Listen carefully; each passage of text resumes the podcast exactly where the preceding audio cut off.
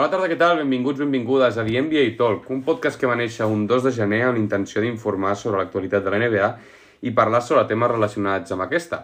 Aquest podcast està protagonitzat per Toni Coas. Toni Coas, bona tarda. Bona tarda. I Alex Kim, bona tarda. Bona tarda. Bé, seguim una setmana més repassant... Bé, hi ha ganes ja de que arribi el playoff, serem, serem sincers amb vosaltres. Uh, més o menys un mes perquè arribin els playoff. A l'episodi d'avui parlarem una miqueta d'actualitat, de, de com està, han anat aquesta última setmana de NBA, i focalitzarem la part principal de l'episodi en qui creiem que són els candidats a l'anell, vistes les alçades a les quals estem ara a la temporada. En primer lloc, jo he estat llegint una notícia i us la volia plantejar com a, com a debat, dubte, i és, es veu que Tyler Hero li podrien oferir 185 milions 5 anys i realment es mereix aquests 185 milions 5 anys? És a dir, m'explico, evidentment té qualitat, però estem arribant a un punt, no sé si concordeu amb mi, que jugadors de 22 anys que no s'han guanyat un torrat a la NBA i els estan oferint un màxim sense saber com és el futur, no? Per tant, no sé... Parlo de Hero i parlo d'altres jugadors que també els ha passat el mateix. Creieu que és meritori, que us mereix aquest contracte tan, tan elevat? Parlem-ne, parlem-ne. Jo aquí veig un escenari Michael Porter Jr., similar, que eh, la temporada passada va tenir una temporada fenomenal i s'ha lesionat, bueno, va, va jugar malament, eh, s'ha lesionat i mira, fa temps que no sentim d'ell. Doncs, si jo fos Miami aniria en compte que passés alguna cosa així, perquè ha passat en molts casos, casos en el passat, com has dit tu, Àlex, i és perillós. Jo, Àlex, no, amb aquests temes no sóc un, un, un expert, però Taylor Hero no, no té contracte amb, de, de, de tercer any o de, de, de rookie o de... Sí. No té un contracte de número X del draft que encara li dura? Sí, té un contracte d'aquests de merda, de 4, de merda, 4 milions... De merda no, el contracte de jove... De jove. Ah, 4 milions en un any? Sí, bueno, ja van tenir, dic de merda per ells. Sí, té un contracte sí, de... Sí, Ah, bueno, què vull, què vull dir amb això? Que a la NBA tot està bastant estructurat. És una de les grans de, de, de, de lo bo que té la NBA, no? Vull dir, Telehiro té un contracte, li van signar un contracte al seu moment, dic sense saber-ho, eh? com a número X del draft, aquest contracte és per 3 o 4 anys, rectifiqueu-me si... Sí, sí, no, no vas bé. I en funció de lo que tu fas amb aquests 3-4 anys, o 4-5 anys, no sé, llavors en tu et signen un nou contracte. La pregunta és, el nou contracte de Tyler Hero ha de ser un bon contracte? Per mi sí. Clar, però un bon Tyler Hero és el màxim anotador a Miami. Un bon contracte són 37 milions de dòlars la temporada, en 23 anys.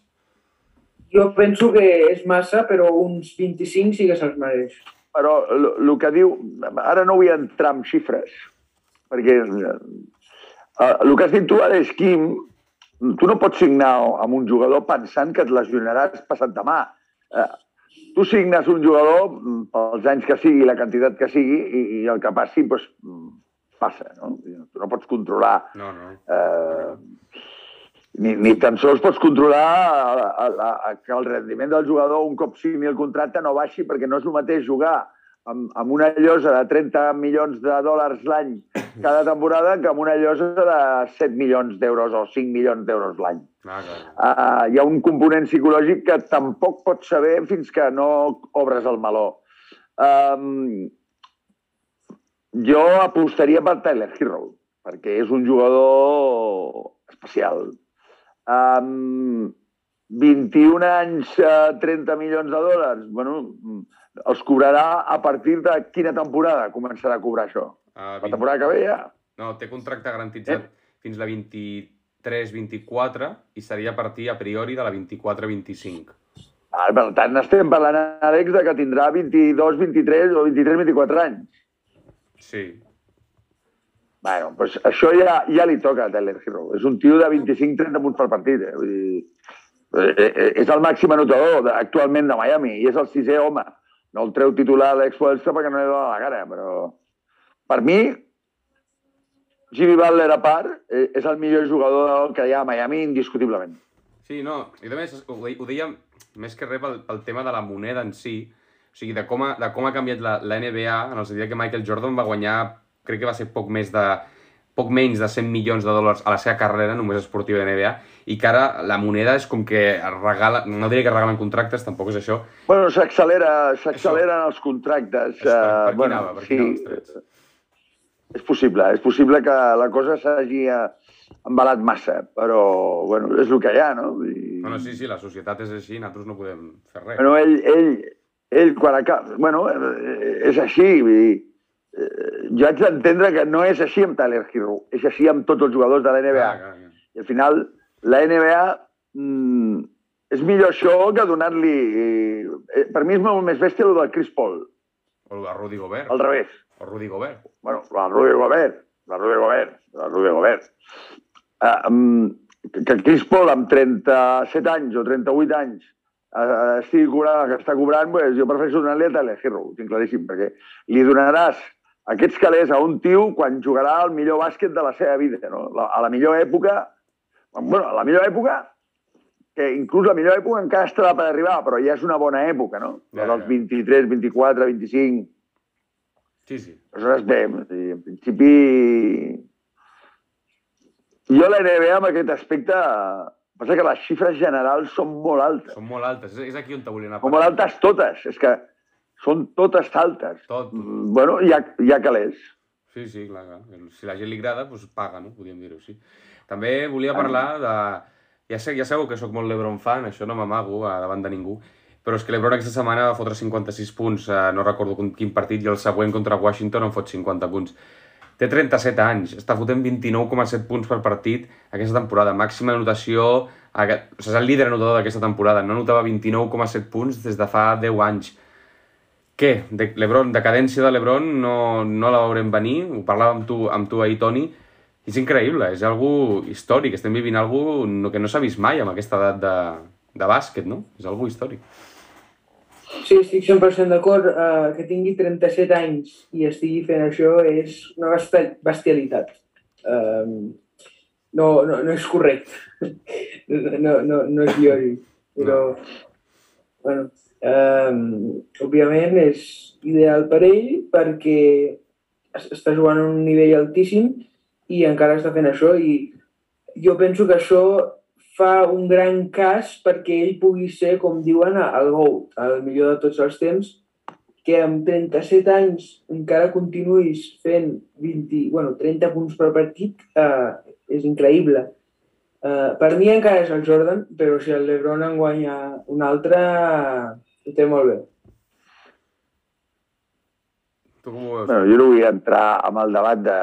Per mi el Jordan està per sobre del l'Ebron, això sempre, sempre ho pensaré, però el que està clar és que l'Ebron demostra pues, una, una passió eh, il·limitada per, per, per, per, per la seva professió, pel seu pel, pel, pel, pel bàsquet. Eh, el tio el veus, el veus actualment i sembla un nano de 18-19 anys que acaba d'entrar a la NBA. Eh, L'actitud d'ell, no? Sí, sí. eh, es cuida molt, és un privilegiat de la natura, és un, és un, és un superclasse eh, que es- ja que no guanyarà l'anell segurament aquest any, tot i que Anthony Davis està al caure. No enterrem del tot el tema. No. Més que res, Bueno, no sé si els Lakers no tenen opció, altra si els Lakers Sí. acaben sense tenir opció, serà pels acompanyants. Perquè no han pogut fer pitjor per acompanyar malament a Anthony Davis, lesions a part, i a l'Ebron. Perquè el del Russell Westbrook és que quasi estava cantat, és per dir-los però, però... Bueno, és igual, és que sempre acabem parlant del mateix. Sí, sí. Um, L'Ebron està demostrant que, que, que està. Però passa, clar, els Lakers només guanyen si fot 50 punts aquesta criatura. Mala senyal. Mira, Clar, ara és precisament el que parlava t'anava a del Molt el Curry, senyal. el Curry, el, els, els, els, els, els Warriors guanyant a Milwaukee amb Curry passant la pilota tot el partit. Bona senyal pels Warriors. Clar, Que. Curry no hagi de fer 30 punts per partit. Pues tot el contrari, ara està passant als Lakers. Mm -hmm. És així, és així, és així. També, eh, el canvio de tema bastant radicalment, eh, ho estava parlant ahir amb el Toni a l'Esquim, no sé si t'has vist un documental a Netflix que es diu Tony Parker, la última canasta. Jo vaig Sí, mm, la setmana passada i, hòstia, destaca, i no, hem, no ens hem parat mai a parlar de, de, de com Tony Parker ha aconseguit consolidar-se en una lliga ple de... Bueno, a, a, a la selva, a l'Amazones, un tio blanc, base de metro 90, 80 i pico, francès, que no tirava, no tirava bé de 3, acaba la seva carrera amb 4 anells, un MVP de les finals, jugant a un equip, bueno, històric, el coneixen a tot arreu del món. És d'admirar la carrera d'aquest tio i, i cre crec que se'n parla poc, evidentment no a la llista de les, dels grans, de, dels millors de la història, però ni això, no, no, no se'n parla massa en general. El ser un jugador que potser no va tenir tanta transcendència en el joc, és a dir, no va ser com Stephen Bueno, Curry. blanc, blanc no és, eh, Àlex? És, és negre, eh? Té bastant de negre, eh? Bueno, però no és, no és Jonathan Kuminga, no sé si m'explico. No, home, no, és, no. no és un, un jugador amb, la, amb el cos ideal per l'NBA. Físicament no ha sigut mai una màquina i tot i això s'ha aconseguit treure quatre Bueno, un tio, un tio molt llest, un tio molt llest. Una Sí. rata de claveguera amb el, amb el bon sentit de la paraula. no? Com tu dius, no era un molt bon tirador de tres, però... Sí, no era molt bon tirador de tres, però si el deixaves sol en un moment important sí, sí, del partit i tirava de tres... Les fotia, les mm, malament. No.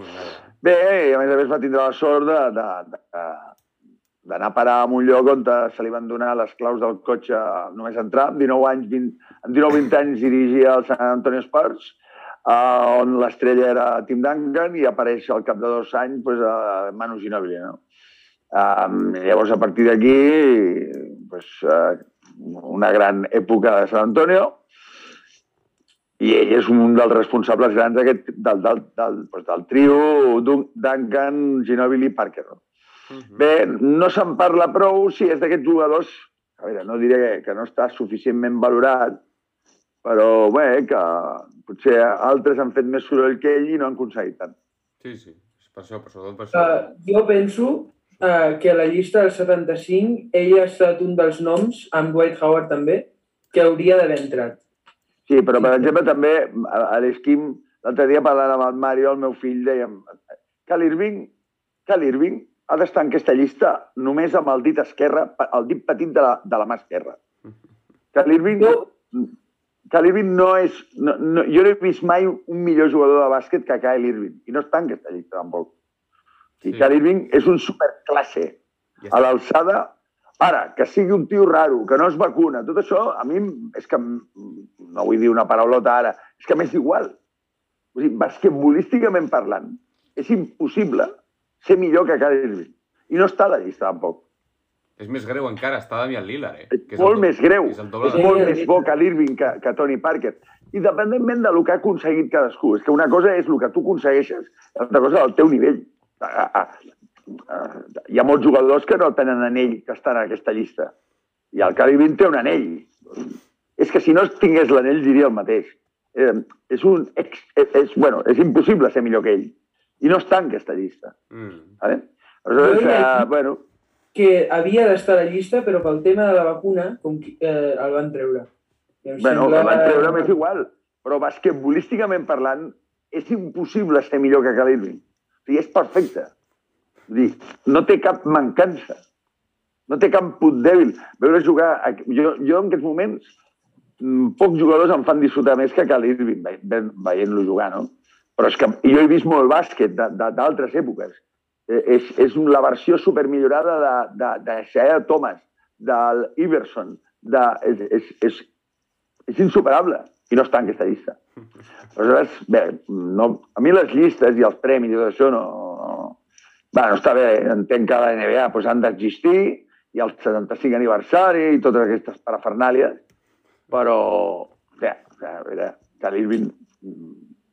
Ens agrada, ens agrada. Jo soc... Home, ens agrada, és que, bueno, Com per no agradar-te. tothom que entengui una mica de bàsquet mm, ha de flipar amb, amb un supertalent com aquest.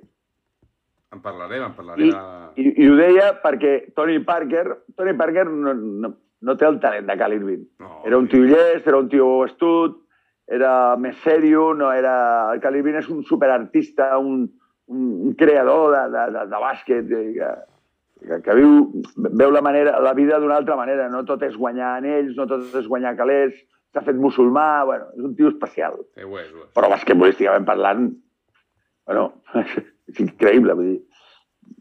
Sí, sí, Jo no he vist, ja dic, no he vist ningú com ell. I els Brooklyn Nets precisament el, tro el troben a faltar, enllaço ja el tema dels candidats a l'anell. Uh, començo per la conferència est i vaig repassant de dalt a baix els, els classificats. En primer lloc tenim ara Miami Heat, uns Heats que han recuperat a Marquise Morris després de la, bueno, de la baralla que va tenir amb Nikola Jokic, aquella empenta que li va fer. S'ha recuperat, ha tornat, ha tornat també Oladipo, no amb molta transcendència en el joc, però ha tornat. Jo crec que és un equip molt sèrio, eh? Jimmy Butler ha jugat ja, podríem dir, tres guerres mundials, també està PJ Tucker, que n'ha jugat també tres, Kyle Lowry sap també el que és perdre coses, és un equip que, bueno, doncs el veig seriós, eh, si no es lesiona ningú, com sempre, pot donar molt que parlar, i la clau jo crec que és Jimmy Butler. Jimmy Butler ha de comandar el barco i portar-lo a alta mar. És així, és així.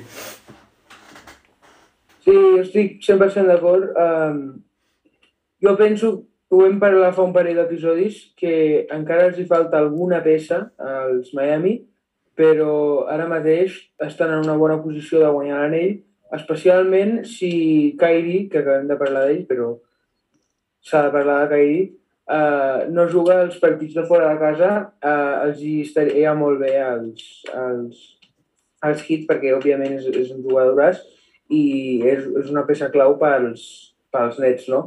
Doncs jo penso que sempre a l'NBA dependrà de com de, de, de, de com de saludable, diguem, està, està un equip, com la temporada passada. Per, per, per plantilla, per plantilla, per plantilles, estem a l'est.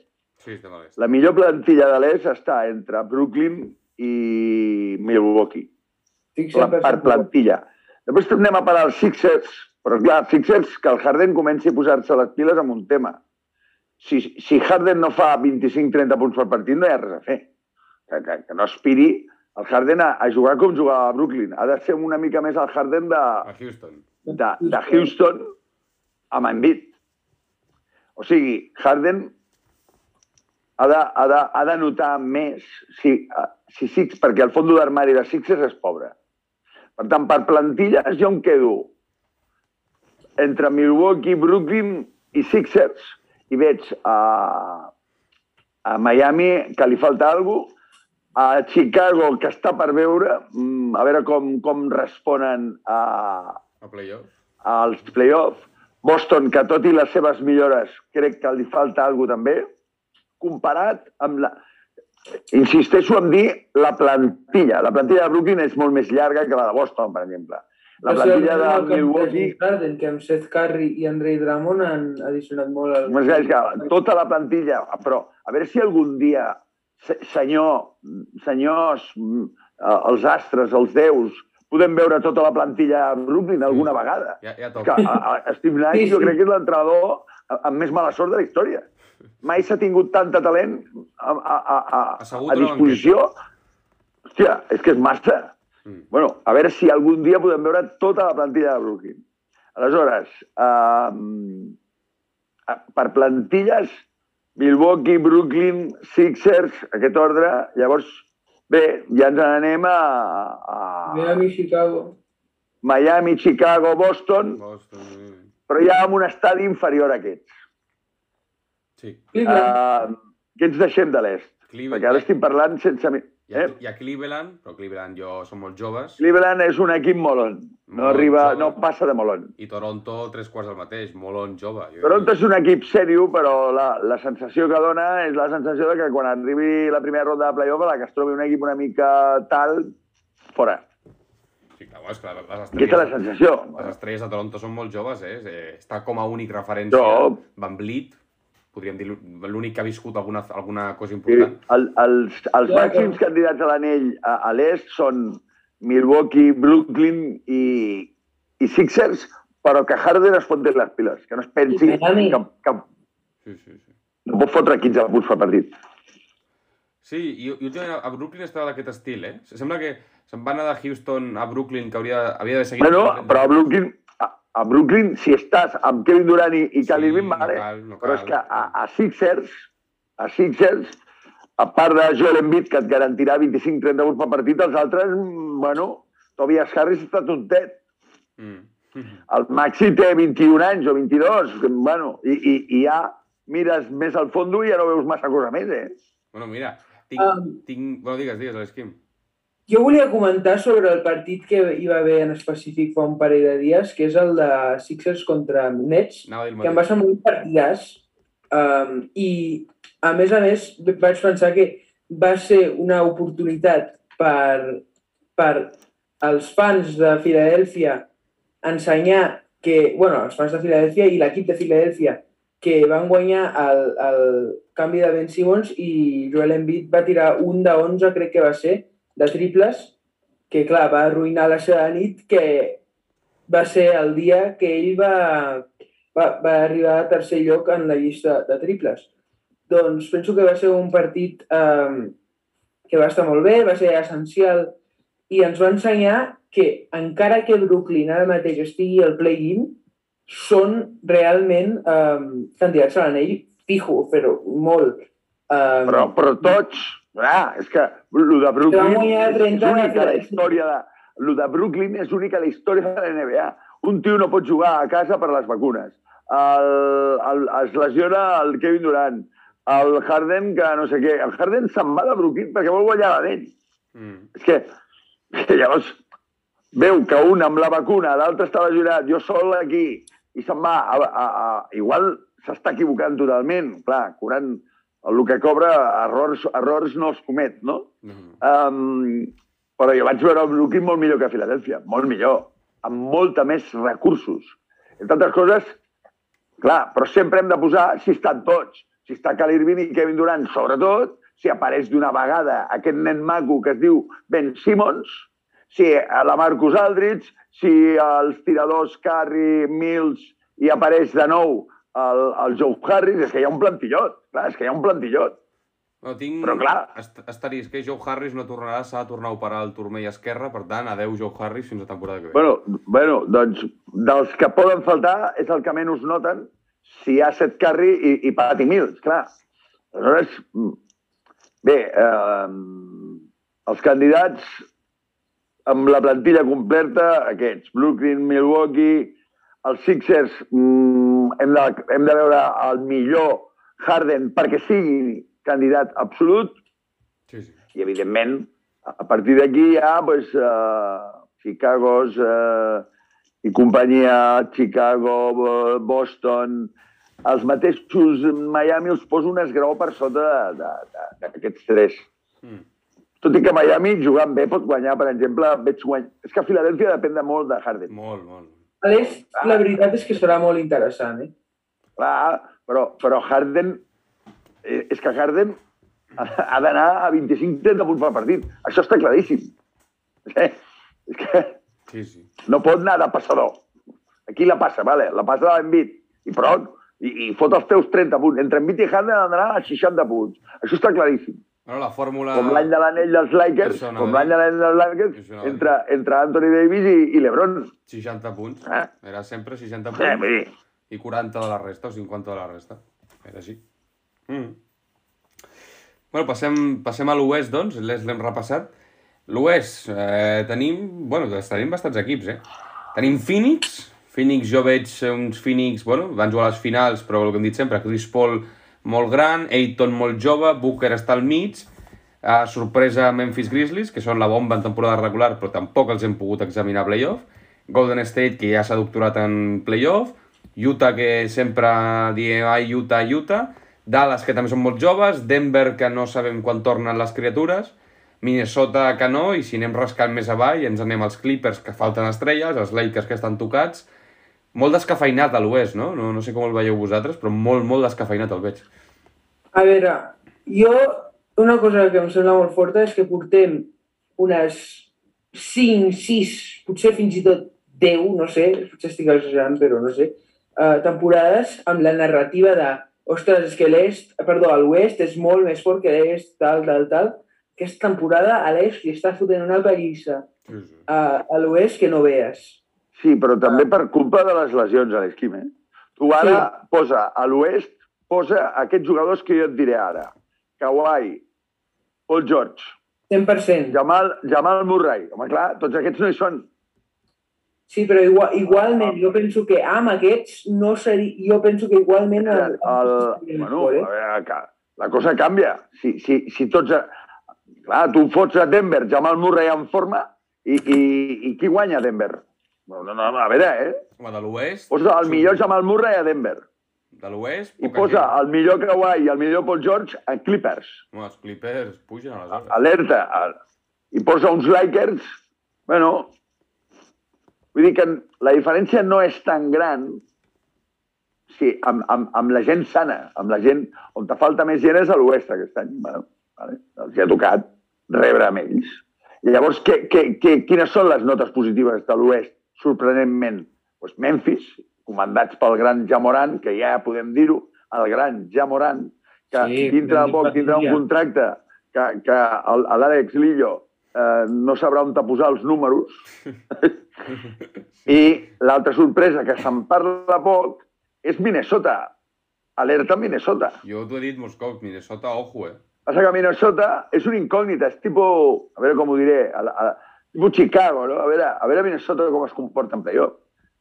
Sí, perquè no han A veure jugat. com es comporta uh, Carl Anthony Towns, DeAngelo i, i Anthony Edwards, com es comporten en playoff? Ho hem de veure, ho hem de veure. Um, aquest oest està una mica més descafeinat per les absències que hi ha, però és que si no hi hagués aquestes absències, Denver seria supercandidat a l'anell, per exemple. Ah, Sí. I ja està, està Ah. sisè, està en una molt bona posició, I eh? Clippers, i Clippers seria un gran candidat a l'anell. També, Ah? també, també, també. I, perquè Clippers, parlem molt dels Lakers, que li falta aquest i li falta l'altre, però a Clippers li falten els dos jugadors franquícia. I estan jugant, I estan molt millor que els Lakers. van, van volant per, les pist per la pista.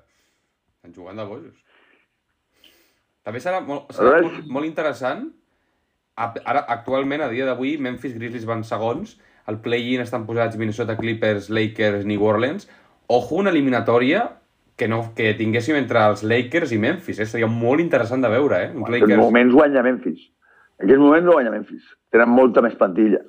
Estic d'acord.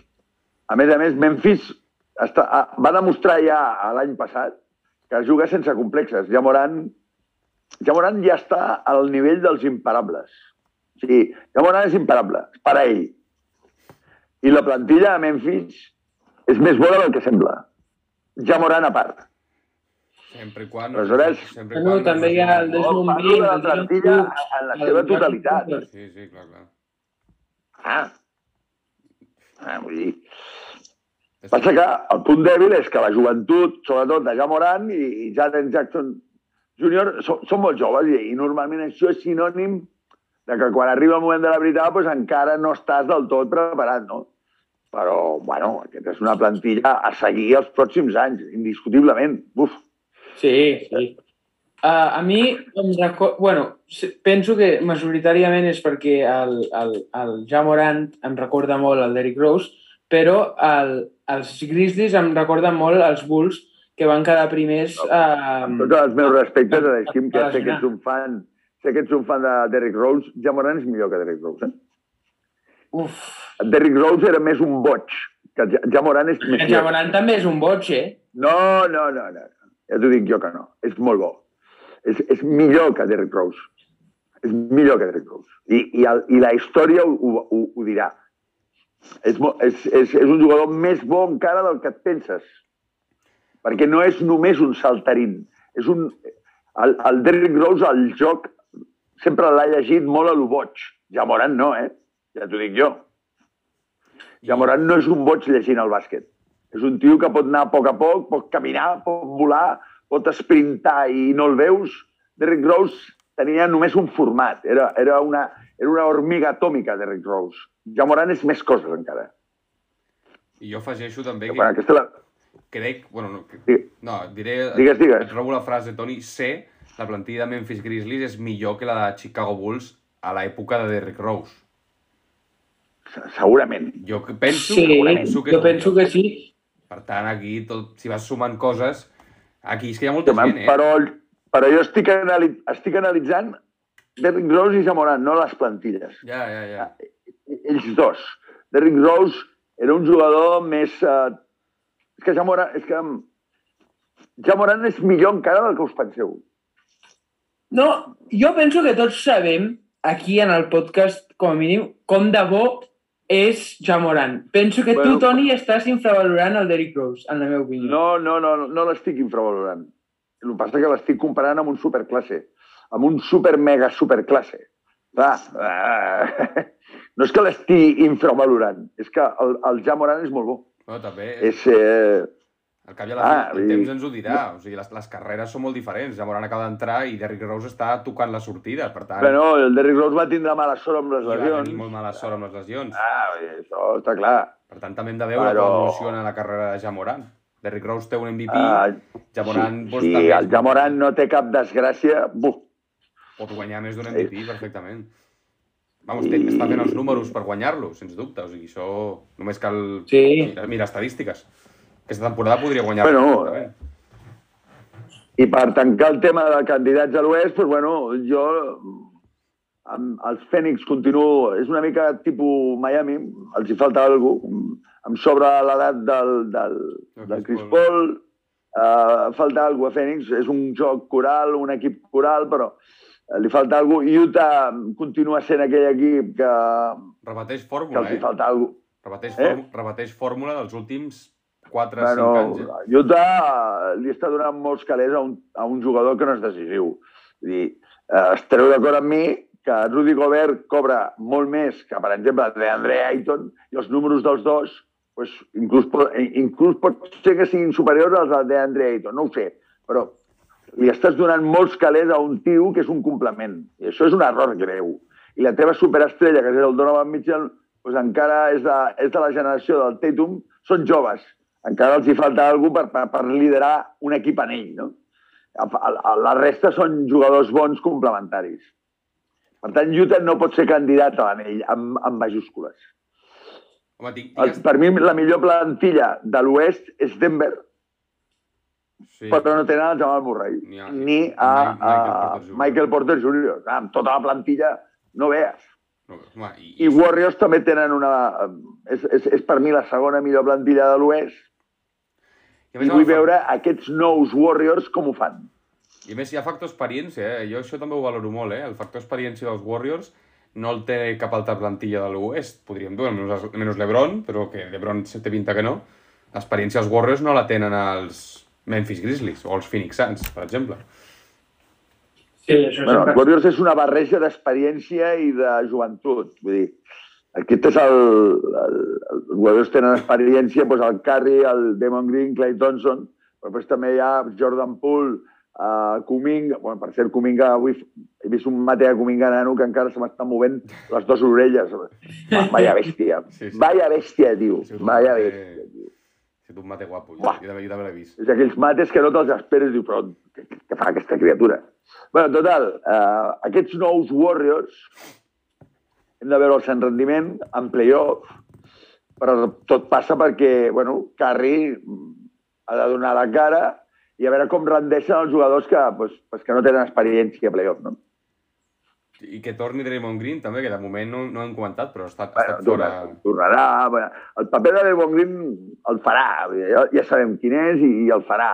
I amb això milloraran perquè Draymond Green és un, és un jugador que enllaça, és un conductor de llum. I aleshores és, és un cable que il·lumina bombetes, no?